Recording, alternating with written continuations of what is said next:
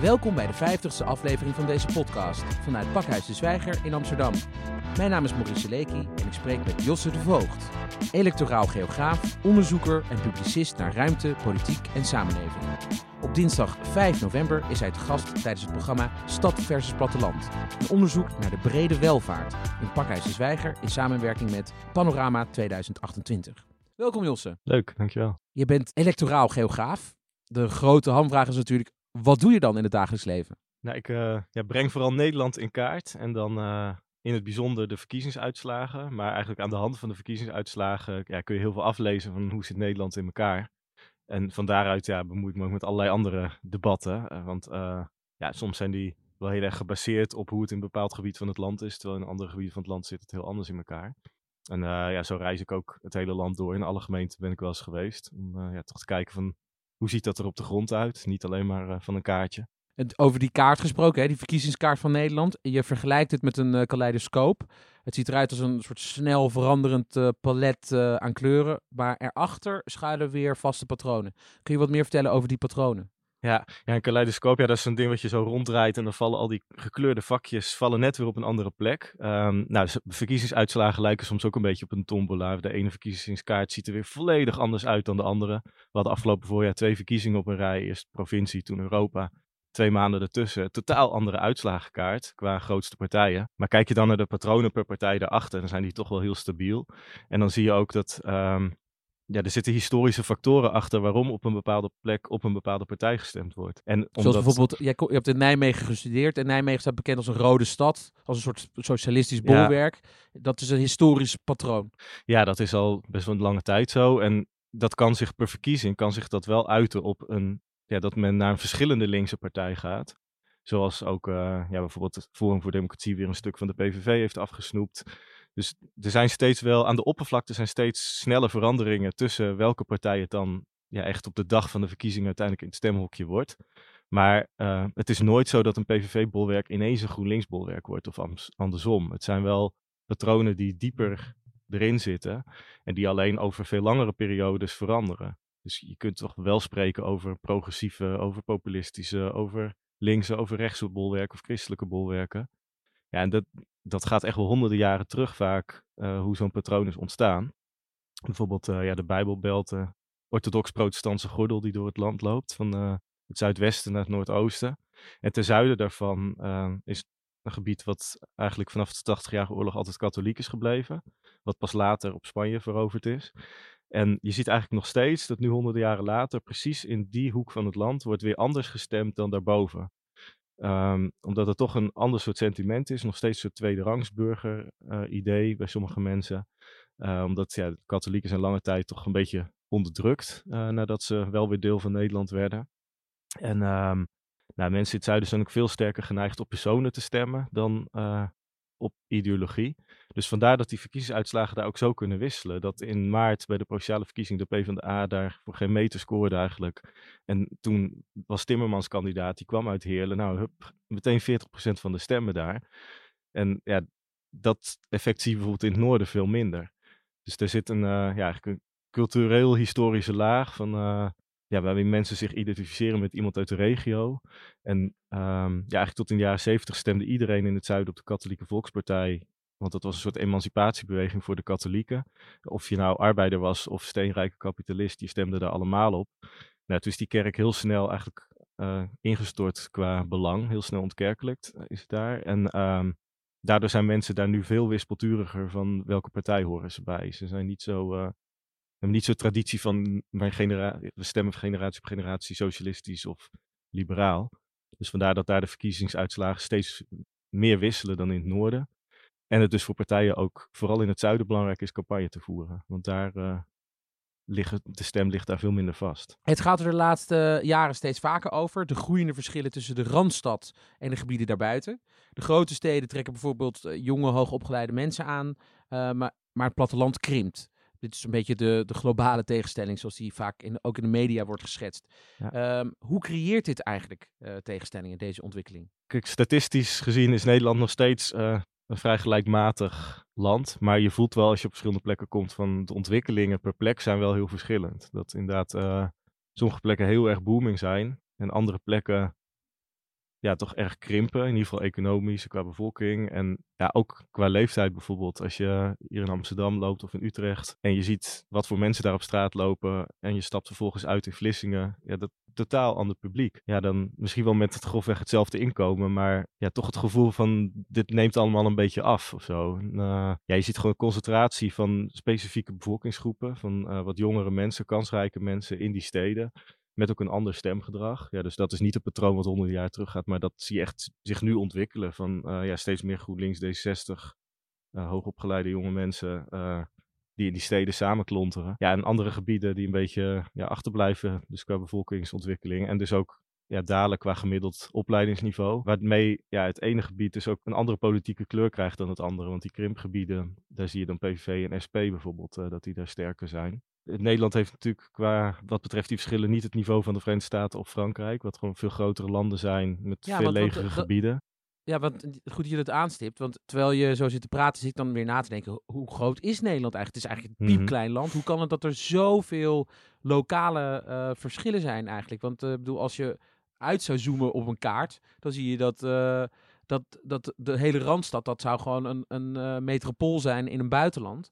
Ja. En heel Nederland is eigenlijk natuurlijk ook maar een, een klein, klein vlekje op een kaart in feite. Dus hoe, hoe verklaar je de toch relatief grote verschillen tussen al die gebieden? Ja, het grappige is dat het niet altijd afstandsgerelateerd is. Dat het inderdaad een relatief klein land is. En als je er met het vliegtuig boven hangt, kun je het bijna helemaal zien, zeg maar. Het is uh, ja, alsof het een klein, heel klein staatje in de Verenigde Staten, als je het vergelijkt. En toch dat daarbinnen echt wel hele cruciale verschillen zijn. Dat als je in Utrecht op de trein stapt en een uur later ben je in Tilburg, dan ben je echt wel in een best wel andere wereld. En dat voel je op het platteland wel sterker nog dan uh, in de stad zelf. Ja, omdat er toch allerlei historische lijnen doorheen lopen uit periodes dat mensen nog niet zo snel van de ene naar de andere plek konden reizen. Die rivieren die dwars door het land lopen, ja, daar waren vroeger gewoon wel echt grote barrières. Het waren natuurlijk ook vroeger de, de zeven Verenigde Nederlanden. Het waren ook gewesten, dus al die provincies waren in feite ook gewoon een soort van mini-staatjes. Ja, met echt wel een uh, andere oriëntatie en ontwikkeling. De ene kant veel meer op de zee gericht, de andere kant ja, die bestond toch vooral uit zandpaden, zeg maar. Dat, uh, ja,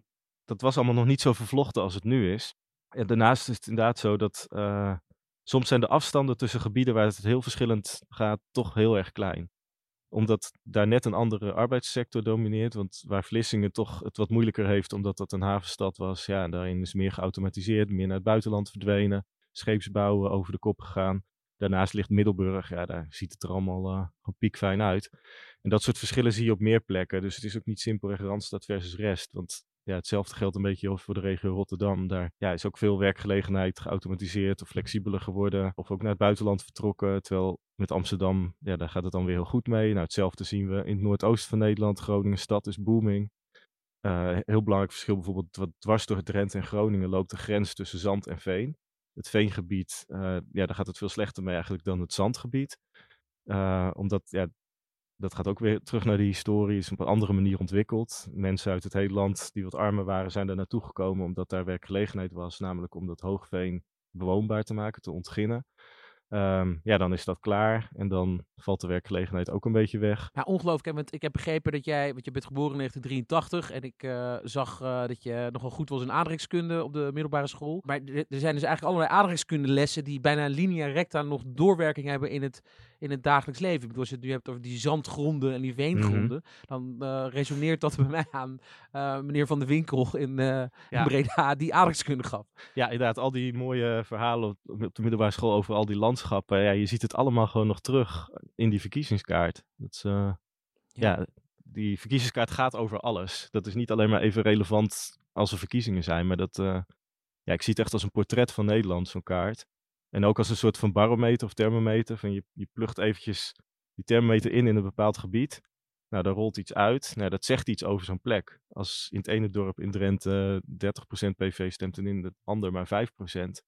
Ook al zit er maar een paar kilometer tussen, ja, dan, zit daar iets achter. En dat is gewoon wel uh, heel interessant dan te ontdekken. Nou, ja, dan kom je vaak op dingen als grondsoorten. En hoe dat heeft geleid tot verschillende manieren van samenwerken tussen mensen. Tot uh, een ander niveau van maatschappelijk vertrouwen. En ja, het ene gebied trekt meer renteniers uit het westen en toerisme. En het andere gebied wordt niet zo interessant gevonden. Daar worden windmolens neergezet. Waar de mensen dan ook wel weer boos over zijn dat zij er niet bij worden betrokken en zo. Dus die verschillen worden steeds weer gecultiveerd ook. Over die verschillen, daar zoomen we nu een beetje op in. Caspar van den Berg, hoogleraar bestuurskunde aan de Rijksuniversiteit uh, Groningen en dan ook nog de Campus Friesland. Uh, hij is ook een van de sprekers tijdens het programma op 5 november. Schreef onlangs in de Volkskrant uh, dat het platteland niet zozeer afgedreven is van de stad, maar dat de stad de verbinding is verloren met het platteland. Hoe zie jij dat? Ja, ik vind dat wel een herkenbare uitspraak. Dat, uh, ja, als je het hebt over een kloof, dan is het altijd van ja, wie. En die, een kloof die er eerder minder was, ja, wie is dan van positie veranderd? En denk inderdaad dat de stad een iets andere koers ingeslagen is. Dat uh, ja, de stad is snel rijker aan het worden. Waar een aantal decennia de stad juist wat armer was, omdat mensen met wat meer geld de stad verlieten. De stad is heel veel internationaler dan de rest uh, van het land. En dan heb je het, hè, de, de stad als fenomeen. Hè? Dus niet zozeer de stad Amsterdam bijvoorbeeld of de stad Rotterdam. Het gaat om het is, de stad als fenomeen. Ja, het is hoe groter, hoe meer het geld. Maar het is wel, ik denk dat heel veel discussies over stad platteland of Randstad versus rest uiteindelijk toch wel heel sterk neerkomen op Amsterdam versus de rest. Dat Amsterdam nog oh, toch wel. Heel sterk afwijkt ook weer van andere steden. Uh, en heel erg bepalend is in het maatschappelijk debat. En juist ongeveer de minst gemiddelde gemeente is. Dat, dat wringt heel erg met elkaar. Het gaat heel veel over de woningmarkt hier. Nou, hier spelen toch weer andere problemen dan op andere plekken. Nou, wat ook natuurlijk een gigantisch groot verschil is, hoe multicultureel is een plek. Ja, in Amsterdam is de helft van de bevolking heeft een uh, migratieachtergrond, westers dan wel niet-westers. Ja, dat is veel hoger dan gemiddeld in Nederland. Uh, dat bepaalt ook heel erg het debat. Ja, en die andere helft, die autochtone helft, is ook heel anders samengesteld. Uh, dat zijn namelijk steeds meer hele succesvolle mensen. Omdat toch uh, ja, de wat minder welvarende, lagere middengroep is toch steeds meer uit die stad verdwenen. Die woont nu in Almere, in Purmerend, Hoofddorp. Dus je krijgt een stad waar in verhouding veel mensen met een migratieachtergrond wonen die het economisch minder hebben. En in de sociale huurwoningen vooral wonen. daarnaast een, ja, een expat community mensen die er tijdelijk wonen, soms niet, ook geen Nederlands spreken. En je krijgt een hele grote, super welvarende autochtone groep, of in ieder geval een kansrijke groep. Ze zijn natuurlijk lang niet altijd welvarend. Uh, als je iets in de kunsten of media of zo hebt gedaan en ook van flexcontact naar flexcontract loopt. Je bent niet welvarend, maar hoort in zekere zin wel bij de elite die de toon zet. Dus ja, dan, je krijgt een hele gekke, eigenlijk een hele gekke bevolkingssamenstelling. Die vervolgens heel erg bepalend wordt in allerlei maatschappelijke debatten. Ja, ongelijkheid heeft in Amsterdam heel sterk een kleur. Uh, wit versus gekleurd. Um, maar ga je naar Drenthe, dan geldt dat helemaal niet.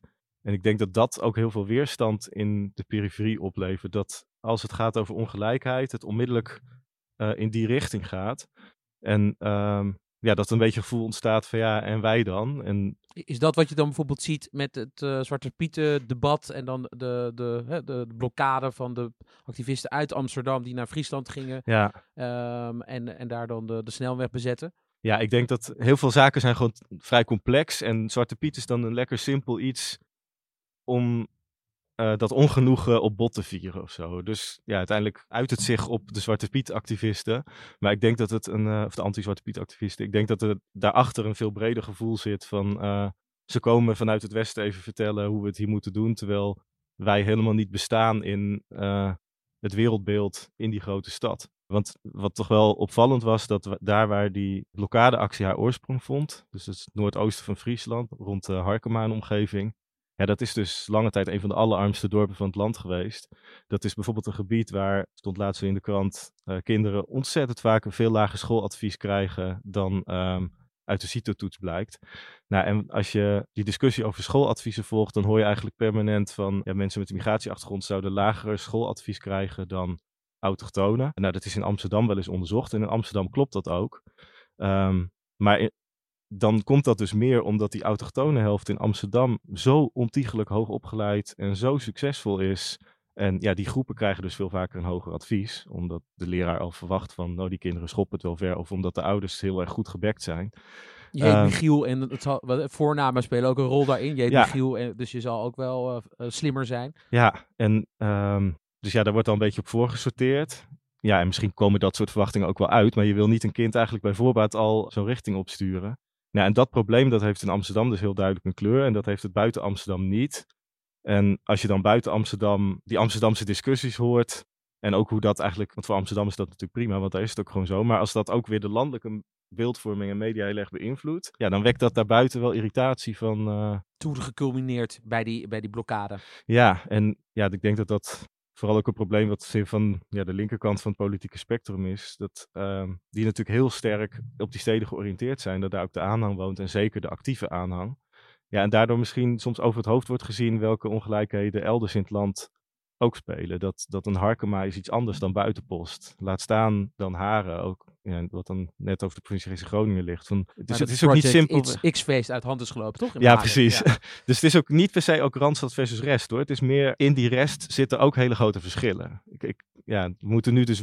Um, ik zie nu wel een beetje hoe de regio versus Randstad ook een hype begint te worden. Ja, dat is ook een frame eigenlijk ook weer door, door media. Ja, waar ik me eerst een beetje heb verzet tegen dat frame van het, het gaat om ja, zwart versus wit, zeg maar. Um, ja, komt er nu een beetje stad versus rest. Ja, en ik vind dan doe je eigenlijk weer de, de achterstanden in de steden tekort. Uh, want Rotterdam is alweer heel anders dan Amsterdam. Ja, en je hebt ook hele rijke plattelandsgebieden. Dus het, uh... Hoe verklaar je dat dan trouwens eigenlijk? Dat iedere keer er. Eh, je bent natuurlijk geen uh, mediawetenschapper, maar iedere keer wordt er toch met name door de media, die dan toevallig bijna allemaal in Amsterdam en in uh, Hilversum zitten, een frame gecreëerd van wit versus zwart, rijk versus arm, stad versus mm platteland. Ik bedoel, dat is misschien wat te binair eigenlijk, uh, terwijl de praktijk vaak complexer is. Zoals je ja, die is veel complexer, en, uh, maar moeilijk uitlegbaar uh, in de korte riedeltjes die je soms even kwijt kan. Ja, en daarvoor moet je ook eigenlijk het hele land tegelijk kennen natuurlijk, om al die verschillende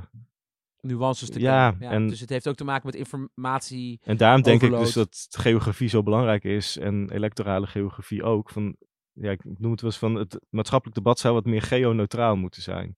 Dus je hebt een bepaalde mening, maar die, ja, je moet je goed realiseren dat die ook voortkomt uit wat jij zelf waarneemt en dat op allerlei plekken dat ook weer anders ligt. Waardoor, ja, deels hebben mensen ook verschillende politieke overtuigingen waar ze ook wonen. Maar situaties zijn ook echt verschillend op verschillende plekken. Dus ja, een soort ja, geobewustzijn, geoneutraliteit. zou ik heel belangrijk vinden om uh, ja, dat debat soms wat meer in evenwicht te brengen. Ik, ik voel eerlijk gezegd uh, een, een programma opkomen in Pakhuizen Zwijger. Het zou me niks verbazen als er binnenkort een uh, programma wordt georganiseerd. Niet over de brede welvaart, maar over geo neutraliteit. We gaan nu wel even nog door op het, het concept van brede welvaart. Want dat is mhm. eigenlijk een, een centraal begrip in een recente monitor van het Centraal Bureau voor uh, Statistiek. En even grofweg gezegd gaat het erom dat je verder kijkt dan het uh, eh, BBP, het bruto binnenlands product. En bijvoorbeeld ook kijkt op het gebied van welvaart naar gezondheid, naar het onderwijsniveau, naar het gevoel van veiligheid, naar de staat van de natuur. Ehm, hoe definieer jij brede welvaart? Dat het niet alleen om welvaart, maar ook om welzijn gaat. Ja, waarin inderdaad de dingen die je opnoemt allemaal meetellen. Van, ja, het is niet alleen het inkomen wat je hebt, het is ook de ja, bepaalde zekerheid die je daarin hebt. Ja, de sociale samenhang die er om je heen hangt. Ehm, of je dicht bij je familie en kennis kunt blijven of voor een bepaald inkomen naar een andere plek moet en dat hele netwerk kwijt bent geraakt. Uh, ja. is, er, is er een correlatie tussen politieke voorkeur en het ervaren van brede welvaart, denk je? Nou ja, die kaartjes die dan gemaakt zijn in het brede welvaartsonderzoek, um, van de Rabobank, daar zie je dat wel enigszins terug. Je ziet, um, kijk, deels is natuurlijk, is het gewoon, ja, heb je wat meer inkomen, dan is je brede welvaart meestal ook beter. Maar toch zie je uh, bepaalde afwijkingen daarin. Dat het zuiden eigenlijk te laag scoort en het Noordoosten te hoog. En dat is eigenlijk iets wat je steeds op allerlei vlakken terugziet. Want ja, een aantal kaartjes die ik dan zelf heb gemaakt, die gaan bijvoorbeeld over vrijwilligerswerk, over opkomst, over politiek vertrouwen. Dat zijn zaken die vaak een beetje samenhangen met opleidingsniveau uh, en inkomen. En toch zie je elke keer het Noordoosten van het land scoort elke keer hoger op dat soort factoren dan je op grond van inkomen en opleiding zou verwachten. En het zuiden scoort elke keer lager.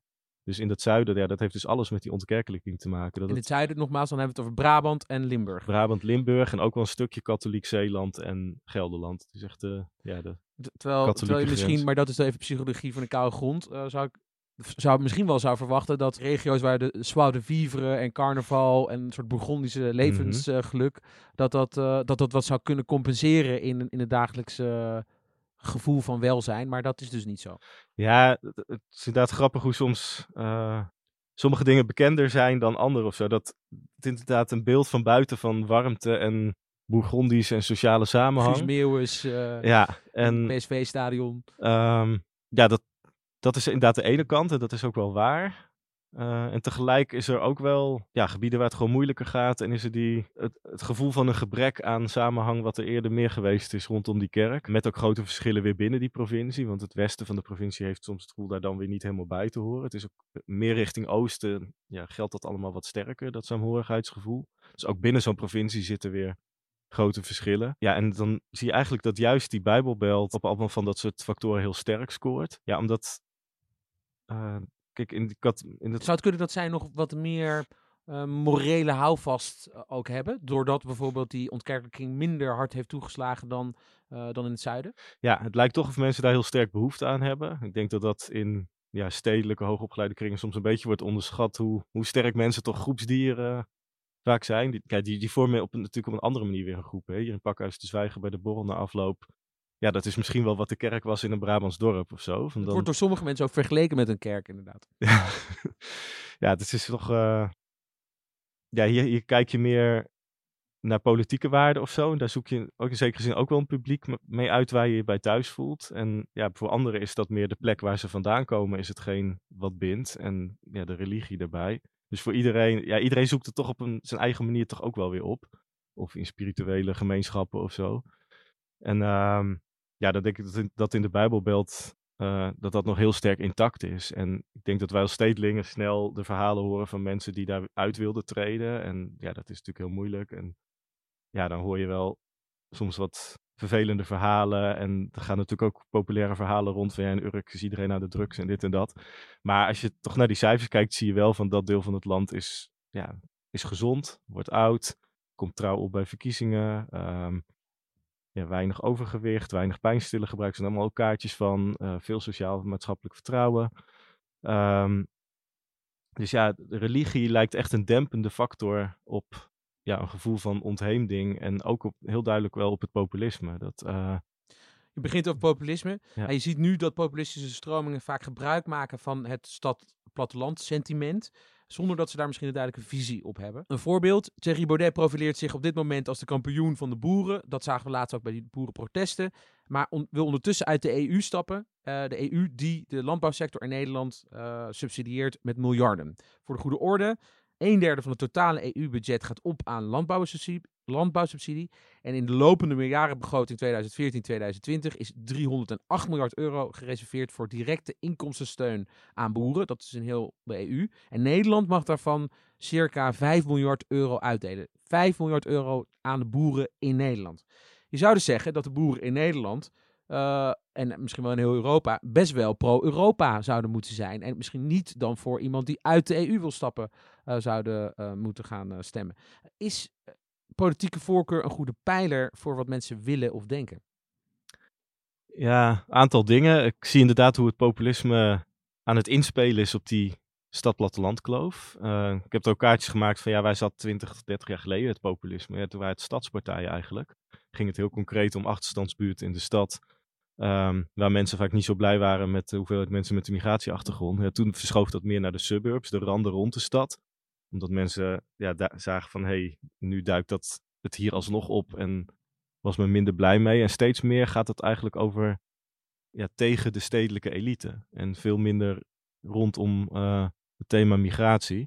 Ja, daar speelt ook wel een rol in, maar ja, toch meer indirect. Ja, en kijk, populistische partijen zijn vaak, zitten niet zo heel sterk op één ideologie. Het is meer, uh, ja, we zijn tegen de elite. En dan is het natuurlijk je ook makkelijk als een beetje als chameleon nu voegen naar van, oh, dit is nu een belangrijke kloof, we duiken nu hierin. Ja, en dan Baudet die dus meer op de boeren duikt, uh, zelf ook grachtengordelbewoner. Dat is ook interessant dat, dat hij dat nu toch die kloof weet te kapitaliseren. Ja, wat het stemgedrag betreft, ik denk dat mensen vaak stemmen op een partij om het geheel een beetje een bepaalde kant op te sturen. Ik vraag me wel af of inderdaad die boeren die op Forum voor Democratie stemmen allemaal uit de EU zouden willen. Het is meer dat ja, ten opzichte van waar het beleid nu staat, heeft iedereen een mening welke kant moet dat een stukje op. Uh, waarbij niet iedereen helemaal de mening van die partij deelt.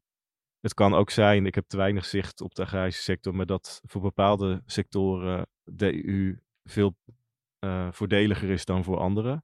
Ja, het schijnt zo te zijn dat er, een groot, dat er een bepaald deel is van de boerengemeenschap die eigenlijk boven modaal zou verdienen als het grootste deel van die uh, landbouwsubsidie uh, ook krijgt.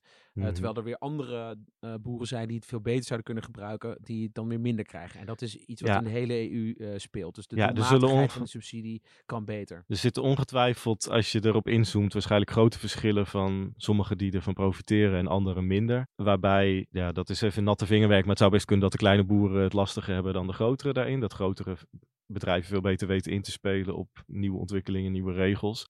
Want hoe zou jij, zeg maar, gewoon het, het boerenprotest, wat er nu is geweest en wat, wat, wat ook voorlopig nog niet voorbij is, wat ook een beetje overgewaaid is naar Duitsland, hoe, hoe zou jij dat dan verklaren vanuit jouw electorale geografie kennis? Ja, ik denk wel een opstand van de rest van het land tegen de stedelijkheid. Dus het, is, het gaat veel verder dan stikstof, het gaat veel verder Nou dan ja, EU. Dan heb je het vooral over de steun die ze kregen uit zoveel hoeken. Kijk, voor de boeren zelf is het ook gewoon een concreet issue van, eh, oh, moeten we krimpen of verdwijnen? Eh, maar het maakte heel veel los bij een veel grotere groep. Terwijl er toch maar een hele kleine groep echt in hele kleine dorpjes woont en echt afhankelijk is van de agrarische sector. Maar je merkt hetzelfde als met Zwarte Piet, van er is iets latent aanwezig, wat dan door zoiets toch omhoog komt. En ja, volgens mij gaat dat toch ook een deel, is het een waardestrijd over manieren van leven. Dat, eh, En is er ook, een, eh, ook toch ook een soort gebrek aan empathie vanuit, vanuit zo'n Haags bolwerk, hè, waarin bepaalde politieke partijen of politici in ieder geval zeggen, ja, die, die veestapel moet gehalveerd worden, zonder dat ze dan eigenlijk zich echt inleven in wat zo'n mededeling ehm, betekent voor de dagelijkse praktijk van, ja, eh, van de boeren. Ja, die is heel ingrijpend. En ja, daar kun je ook op verschillende manieren naar kijken. Van, kijk, als je in de stad geboren wordt, eh, erf je ook niet vanzelf het beroep van je ouders. Moet je het ook zelf voor elkaar boksen. Ehm, maar goed, er zijn in de stad ook vaak wel veel kansen toe. Dat is, ja, je bent nergens zeker van, maar alle kansen liggen er ook, zeg maar. Ja, en op het platteland eh, is een heel ander soort samenleving met veel meer lange familiebanden. Ja, in de stad is eigenlijk van hoog tot laag, iedereen is daar min of meer mobiel. Is vaak op een andere plek opgegroeid switcht van baan naar baan, verhuist van plek naar plek. En het platteland daarbuiten, de middengroepen daar, die zijn veel meer gehecht aan één plek. Die sterven over het algemeen op ja, misschien 10 Die hebben ook echt kilometer van waar ze met dat zijn. land, met die grond. Ja, dus dan zo'n van, ja, je moet even halveren of stoppen. eh, is daar wel even een heel ander verhaal dan in zo'n grote stad. Van, eh, het wordt tijd om een nieuwe baan te zoeken. Ik denk dat dat... eh ja, vervolgens als partij kun je daar van alles van vinden. Of je dat wel of niet dat aan wil gaan. Maar ik denk dat je wel goed van bewust moet zijn hoe diep zoiets gaat. Ja, en ook eh, de toon waarin je ja. zoiets zegt en, de, en, het, en de, de, de manier waarop je zo'n dialoog in feite aan zou moeten gaan. Gemeenten moeten nu ook sterk bezuinigen. ehm, en eh, met name ook op eh, kleinere voorzieningen. eh, bijvoorbeeld eh, dorpshuizen. Eh, die kunnen in de knel komen daardoor. Tegelijkertijd zien we op landelijk niveau eh, overschotten in de begrotingen ontstaan. Wat voor gevolgen heeft dit eigenlijk voor de stad-platteland eh, tegenstelling? Tussen aanhalingstekens. Ja, als voorzieningen afgeknepen worden, heeft dat natuurlijk op het platteland meer effect. In de stad, ja, als het ene zwembad dicht gaat, kun je vaak nog wel naar het andere fietsen. eh, Dit Ja. gaat trouwens ook voor OV. Hè? Als, die- als stations dichtgaan in, in perifere gebieden, dan heeft het ook enorm veel impact meteen. ja, het, eh, ja, de hele de plattegrond van zo'n plek verandert door het verdwijnen van een voorziening. Of dat nou OV is, of een winkel, of een zwembad. En ja, vandaar dus dat gevoel van, als je ergens rondfietst, van het ziet hier allemaal op zich nog wel prima uit, de huizen. Men heeft nog dezelfde welvaart, maar je ziet dat het wel veel plekken een beetje aan het afsterven is. Of zo. Dat, eh, ja, er vroeger gewoon winkelstraten waren die langzaamaan, ja, worden het gewoon woonplekken. Ja, dat doet wel iets met de samenhang op zo'n plek. En, daar neemt dus ook die brede welvaart dus af. Ja, want dat, dat verhoogt wel je kwaliteit van leven, dat daar die voorzieningen waren. En ja, soms komt het ook natuurlijk, werken de mensen er zelf ook aan mee door naar die goedkopere supermarkt verderop te rijden. Als je het dan even over winkels hebt, niet over overheidsvoorzieningen.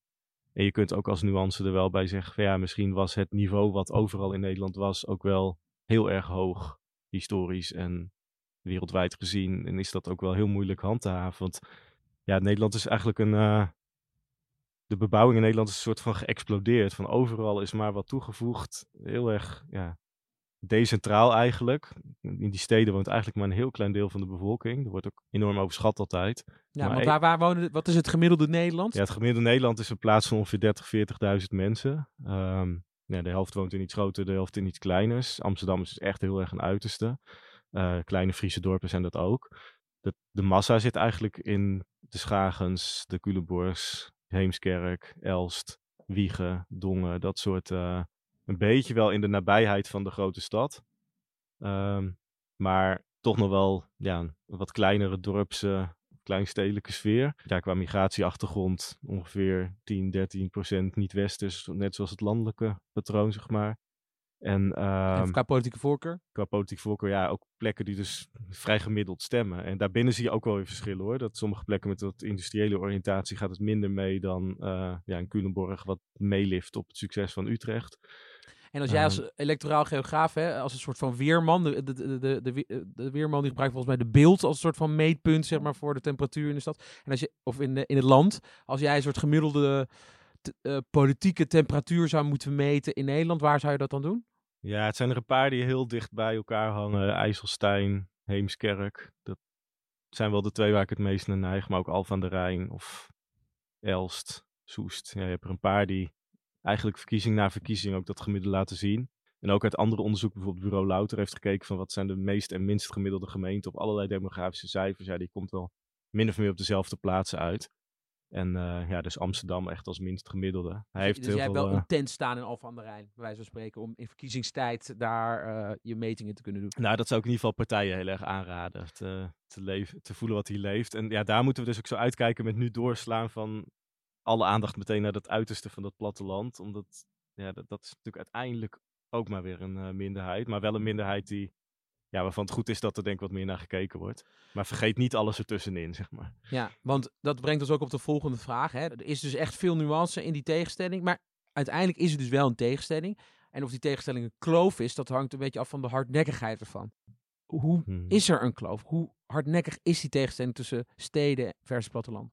Ja, ik vind het op zich um, is het ook natuurlijk wel weer goed dat er heel verschillende woonmilieus bestaan. Dat er voor iedereen iets is waar die zich thuis voelt. Want het kleine dorp waar ik ben opgegroeid, daar voelde ik me op een gegeven moment ook niet meer zo thuis. Dan had ik ook liever een grotere stad. Nou, waar ik nu woon, vind ik het misschien inmiddels wel weer ietsje te groot. Maar, um, dus ja, dat er verschillen zijn is niet zo gek. En dat dat leidt tot een ander wereldbeeld. Je moet alleen heel erg oppassen van waar leidt leiden die verschillen misschien ook tot een gebrek aan representatie of beslissingen die vanuit een bepaalde bubbel genomen worden, uh, waarbij de andere bubbel niet goed gezien wordt. Uh, omdat natuurlijk de mensen die domineren in de politiek en in de media en bij allerlei instellingen, die zijn niet gelijkmatig over het land verdeeld, zowel geografisch als qua verschillende sociale klassen, verschillende migratieachtergronden. De, bepaalde groepen domineren meer dan andere je hoopt dat al die mensen een beetje neutraal kunnen kijken, maar het is onvermijdelijk dat dat uiteindelijk invloed heeft op besluitvorming en debatvorming. En uh, ja, dat is waar zeg maar een kloof geboren wordt. Ik vind hem, ja, we hoeven niet iedereen door elkaar te gaan mengen van alle plekken moeten gelijkmatig zijn en een grijs gemiddelde. Uh, die verschillen zijn, ja, zijn deels ook juist heel boeiend dat je een rivier oversteekt en in een ander cultuurgebied komt. Waar mensen zich gewoon thuis voelen bij hoe het daar is en zich aan de overkant niet thuis voelen. Dat is ook deels een gezonde rivaliteit. Ja, en wat, wat, wat zie je als, hè, want wij hebben het nu ook alweer over de verschillen. Hmm. Overigens, we hebben het programma zelf ook stad versus platteland genoemd. Dus we uh, benadrukken ook dan het verschil. Maar tegelijkertijd zijn we ook op zoek naar overeenkomsten natuurlijk. Wat, wat zou jij als een overeenkomst toch, ondanks alles? Jij kan als een soort god boven Nederland uitstijgen en iedere hoek van dit land uh, analyseren. Wat, wat zie je dan als overeenkomsten? Ja, dat is wel uh, een hele grote rol ineens, maar... Uh... Ja, ik denk dat iedereen wel naar bepaalde betekenisgeving en identiteit zoekt. Uh, ja, het voorbeeld wat ik net noemde van in een Brabants dorp gaan ze misschien naar de kerk of carnaval en in Amsterdam fiets je naar de zwijger en doe je mee aan het debat op inhoudelijke gronden, maar na afloop drink je ook een borrel met gelijkgestemden bij wie jij je vindt passen. En ja, daar komen ook sociale contacten uit voort. Het is niet dat in de stad iedereen uh, een helemaal individualistisch atoom is of zo. Het, is alleen, het gaat via andere manieren. Dus ja, uiteindelijk zijn we denk ik allemaal naar bepaalde dingen op zoek die vergelijkbaar zijn. Bepaald houvast en geborgenheid. Beestje. Huisje, boompje, beestje. Alleen voor de ene strekt huisje, boompje, beestje zich over een wat groter gebied bijvoorbeeld uit. Ik, als je in Amsterdam woont, dan je in Amsterdam, maar je hebt misschien familie op een andere plek. En ja, veel mensen leven in een bepaald netwerk van waarin de afstanden groter zijn, maar waarop die plekken ook binding is. Terwijl een ander leeft wat meer vanuit één dorp en een kringetje daar klein omheen. Maar ja, dus we leven op verschillende schaalniveaus. En dat bepaalt ook wel hoe je naar thema's als bijvoorbeeld Europese eenwording en zo kijkt. Maar ik denk dat je op individuele schaal toch vaak een beetje hetzelfde wil. Bij Pakhuis de Zwijger kijken we naar de wereld vanuit een stedelijk perspectief. En we kijken ook vanuit een soort progressief toekomstdenken uh, naar die wereld. Dus uh, we hebben nog hoop, om maar even zo te zeggen. Uh, durf jij als, als hey, je bent ook de, de spreker in de vijftigste podcast van Pakhuis. We, zijn echt al, al, flink op weg. We hebben heel veel mensen gehoord die zich dan uitspreken over de toekomst. Maar we hebben nog nooit een electoraal geograaf uh, gehad. Zou jij een soort toekomstvoorspelling of schets kunnen doen van het Nederland in 2025? Kun je dat, dat Nederland van 2025 op hoofdlijnen schetsen vanuit jouw expertise? Ja, het is natuurlijk best lastig. Hè? Van kan je wat afgelopen jaren is gebeurd, kun je dat doortrekken? Of gebeuren er toch weer dingen die we niet helemaal hadden voorzien? Uh, ja, Brexit en Trump, niet iedereen zag het aankomen. Van er kunnen soms ook ja, bepaalde veranderingen ontstaan. Um, maar ja, waarschijnlijk zul je zien dat. Uh, ik zie steeds de verbazing over bepaalde huizenprijzen in Amsterdam. Ik denk, ja, als het doorgaat, wordt dat alleen maar nog veel gekker. Omdat ja, dit is een relatief veilige plek om te investeren. Er komen steeds meer internationale uh, ja, werknemers en studenten. Um, ik denk dat het alleen maar meer over de kop gaat. Ik zeg wel eens, ja, Utrecht wordt het nieuwe Amsterdam en Arnhem het nieuwe Utrecht, zeg maar.